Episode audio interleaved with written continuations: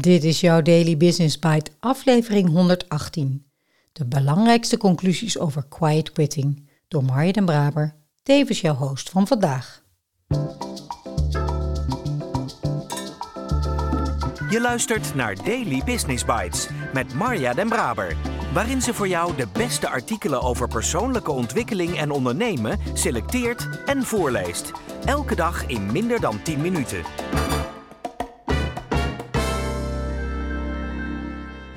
Uit de vijf artikelen over quiet quitting zet ik de meest belangrijke conclusies voor je op een rijtje. Ik heb het onderverdeeld in wat is het, waarom is het er, is het erg en wat kun je doen. Een heleboel gelukkig, uiteraard. Wat is het? Doen wat je moet doen en niet meer dan dat. Quiet quitters blijven hun primaire verantwoordelijkheden vervullen, maar ze zijn minder bereid tot activiteiten die bekend staan als citizenship behaviors. Niet meer tot laat blijven of juist vroeg opdagen of niet verplichte vergaderingen bijwonen. Citizen behavior, dat is een mooie term die we hebben meegenomen uit een artikel in Harvard Business Review.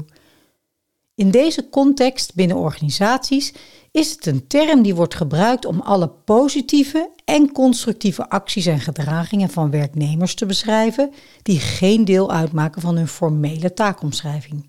Het is alles wat werknemers doen uit vrije wil, wat hun collega's ondersteunt en de organisatie als geheel ten goede komt. Maar neem dan de mening van Japke. Quiet quitting is niet quitten, het is voor jezelf opkomen. Het belangrijkste dat er is op je werk. Een heel ander geluid. Ook mooi. Waarom is het er? Ellen Hensberger vraagt zich af of het iets is van de huidige generatie. Of bestaat het eigenlijk al heel lang, maar heeft het een nieuw jasje aangedaan? Japke is duidelijk. Quiet quitting is helemaal niet nieuw. Overal in het land klappen al miljoenen jaren hele volkstammen hun laptop om vijf uur dicht. Komt het door de pandemie? Wie zal het zeggen? Wellicht heeft het dingen versneld. De quiet quitting trend wijst er in ieder geval op dat werknemers steeds meer het gevoel hebben dat deze uitwisseling uit balans is geraakt. Werkgevers vragen extra inspanningen van werknemers zonder in ruil daarvoor voldoende in hen te investeren. Dus er zijn onvoldoende sociale beloningen of zekerheden. Is quiet quitting erg? Quiet quitters maken minstens 50% uit van de Amerikaanse beroepsbevolking, waarschijnlijk meer, zo concludeert Gallup. Bij ons zal het er niet veel anders uitzien. Er zijn miljoenen TikTok-filmpjes over dit onderwerp te vinden. Dus het lijkt wel belangrijk om hier aandacht aan te besteden. De schadelijke gevolgen kunnen tamelijk groot zijn. Het kan al lastig zijn als mensen echt ontslag nemen, maar dat is dan in ieder geval duidelijk. De quiet quitters zadelen hun collega's op met extra werk dat zij niet meer willen doen. Bovendien zijn stemmingen besmettelijk en dit kan een neerwaartse spiraal veroorzaken. Hoe meer mensen minder doen, des te meer heeft de rest ook het gevoel dat ze niet zoveel inzet hoeven te brengen. Aan de andere kant stelt Japke juist dat het gaat om duidelijk je grenzen aangeven en dat duidelijkheid juist heel fijn is. Laten we het loud working noemen. Zij benadrukt: deed iedereen maar het hoogst noodzakelijke, dan hadden we een stuk minder problemen. Verschillende inzichten dus, wat logisch is. Dus op het eerste gezicht lijkt quiet quitting wellicht geen probleem, want deze werknemers onttrekken zich immers niet aan hun kerntaken. Ze weigeren alleen om verder te gaan. Maar voor veel bedrijven is een personeelsbestand dat wel bereid is verder te gaan dan wat nodig is, gewoon een essentieel concurrentievoordeel. De realiteit is dat de meeste banen niet volledig kunnen worden vastgelegd in een formele functieomschrijving of contract. Dus vertrouwen organisaties erop dat werknemers zo nodig extra taken op zich nemen. Als we dus aan de ene kant extra inspanning vereisen, maar aan de andere kant geen passende of actuele omschrijving hebben, wordt het potentiële probleem dus groter. En waarom het ook pijn doet voor jouw organisatie, is dat niet betrokken medewerkers vaker ziek zijn, minder productief zijn en meer fouten maken. En daarbovenop is de kans dat ze daadwerkelijk vertrekken ook groter. Wat kun je doen? Praten.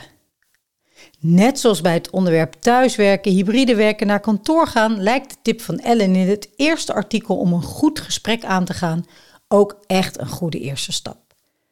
Gallup vindt het zelfs een goede gewoonte voor succesvolle managers om wekelijks met elk teamlid een zinvol gesprek te voeren tussen de 15 en de 30 minuten. En in plaats van veroordelen is het juist interessant om te leren waarom iemand stilletjes afhaakt. Dus of je nou quiet quitters in je organisatie hebt of niet, ga het gesprek aan en gebruik het als inspiratie voor de organisatie om het beter te doen. Ontdek waar de energie weglekt bij jouw werknemers. De gesprekken met je medewerkers zijn leerzaam en hebben ook nog eens een ander positief effect. Je geeft namelijk weer persoonlijke aandacht. En met de tip van Japke erbij dus niet wachten totdat jij, quiet quitter, voor een gesprek door jouw manager of HR-manager wordt uitgenodigd, maar überhaupt gewoon luid roepen wat je wel en wat je niet jouw taak vindt. Een tweede iets wat je kunt doen. Herdefinieer de kerntaken. Een zekere mate van jobcreep, dat is de geleidelijke uitbreiding van de kerntaken van een werknemer na verloop van tijd, is niet meer dan normaal. Maar vooral na meer dan twee jaar overleven als gevolg van de pandemie, waarin steeds meer activiteiten die vroeger misschien als meer dan dat werden beschouwd, verwachte onderdelen van het werk zijn geworden, is het een goed moment voor managers om de kerntaken van werknemers opnieuw af te stemmen op wat nou echt noodzakelijk is en wat als extra moet worden beschouwd. Het derde ding wat je kan doen: luister en investeer. Vervolgens moeten bedrijven luisteren naar en investeren in hun werknemers. Het doen van deze extra inspanningen leidt ertoe dat mensen wellicht hun citizen behaviorship weer laten zien, als zij zich gesteund voelen door hun organisatie. En als laatste, experimenteer. Uit de gesprekken haal je waardevolle uitdagingen.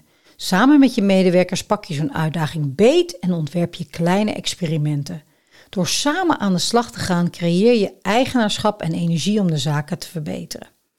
Maak de experimenten klein, concreet en energiek. Evalueer ieder experiment binnen een maand.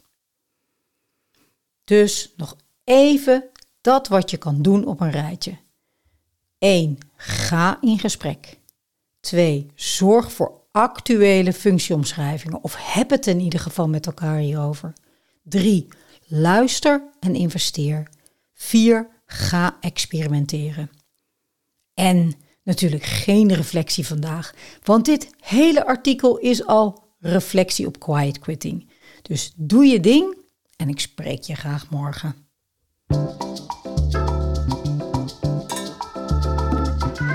Dit was Daily Business Bites. Wil je vaker voorgelezen worden? Abonneer je dan op de podcast in je favoriete podcast-app. Meer weten? Klik op de links in de show notes.